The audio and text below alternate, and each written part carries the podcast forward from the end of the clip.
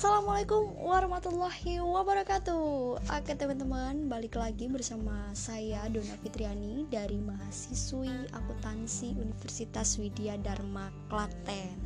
Iya teman-teman, terima kasih atas supportnya Sehingga saya semakin semangat untuk membuat podcast sekilas akuntansi ini. Oh ya teman-teman, untuk episode sebelumnya yaitu mengenai bagian siklus pengeluaran itu juga teman-teman bisa dibuka di bukunya karya Wing Wahyu di halaman 13.5 kemudian teman-teman kalaupun ada kesalahan dari saya dalam menyampaikan bagian yang saya baca teman-teman bisa langsung chat saya ya. Ya, untuk episode kali ini teman-teman, aku mau melanjutin membaca siklus pengeluaran. Teman-teman juga lebih jelasnya nanti bisa dilihat pada diagram IR-nya langsung di halaman 13.21.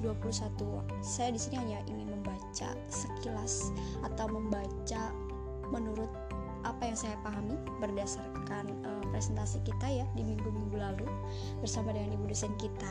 Langsung aja teman-teman, ini dia.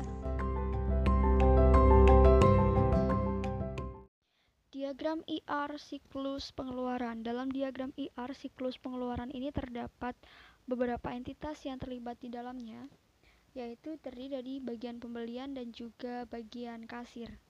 Dalam siklus pengeluaran, setiap pesanan yang dipesan oleh bagian pembelian atau dalam hal ini pelanggan kemudian memesan kepada pemasok di mana setiap pesanan dapat berisi beberapa persediaan yang dibutuhkan.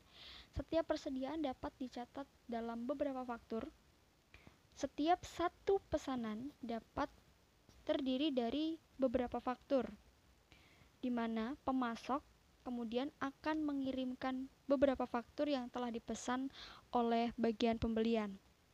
Setelah pemasok mengirimkan beberapa faktur, kemudian kasir akan memberikan beberapa slip pembayaran yang yang mana setiap slip pembayaran tersebut digunakan untuk melunasi beberapa faktur dan setiap slip pembayaran dapat mengurangi kas.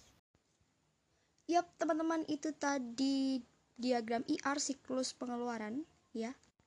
Semoga dapat membantu teman-teman semua dalam memahami cara membaca diagram IR siklus pengeluaran ini.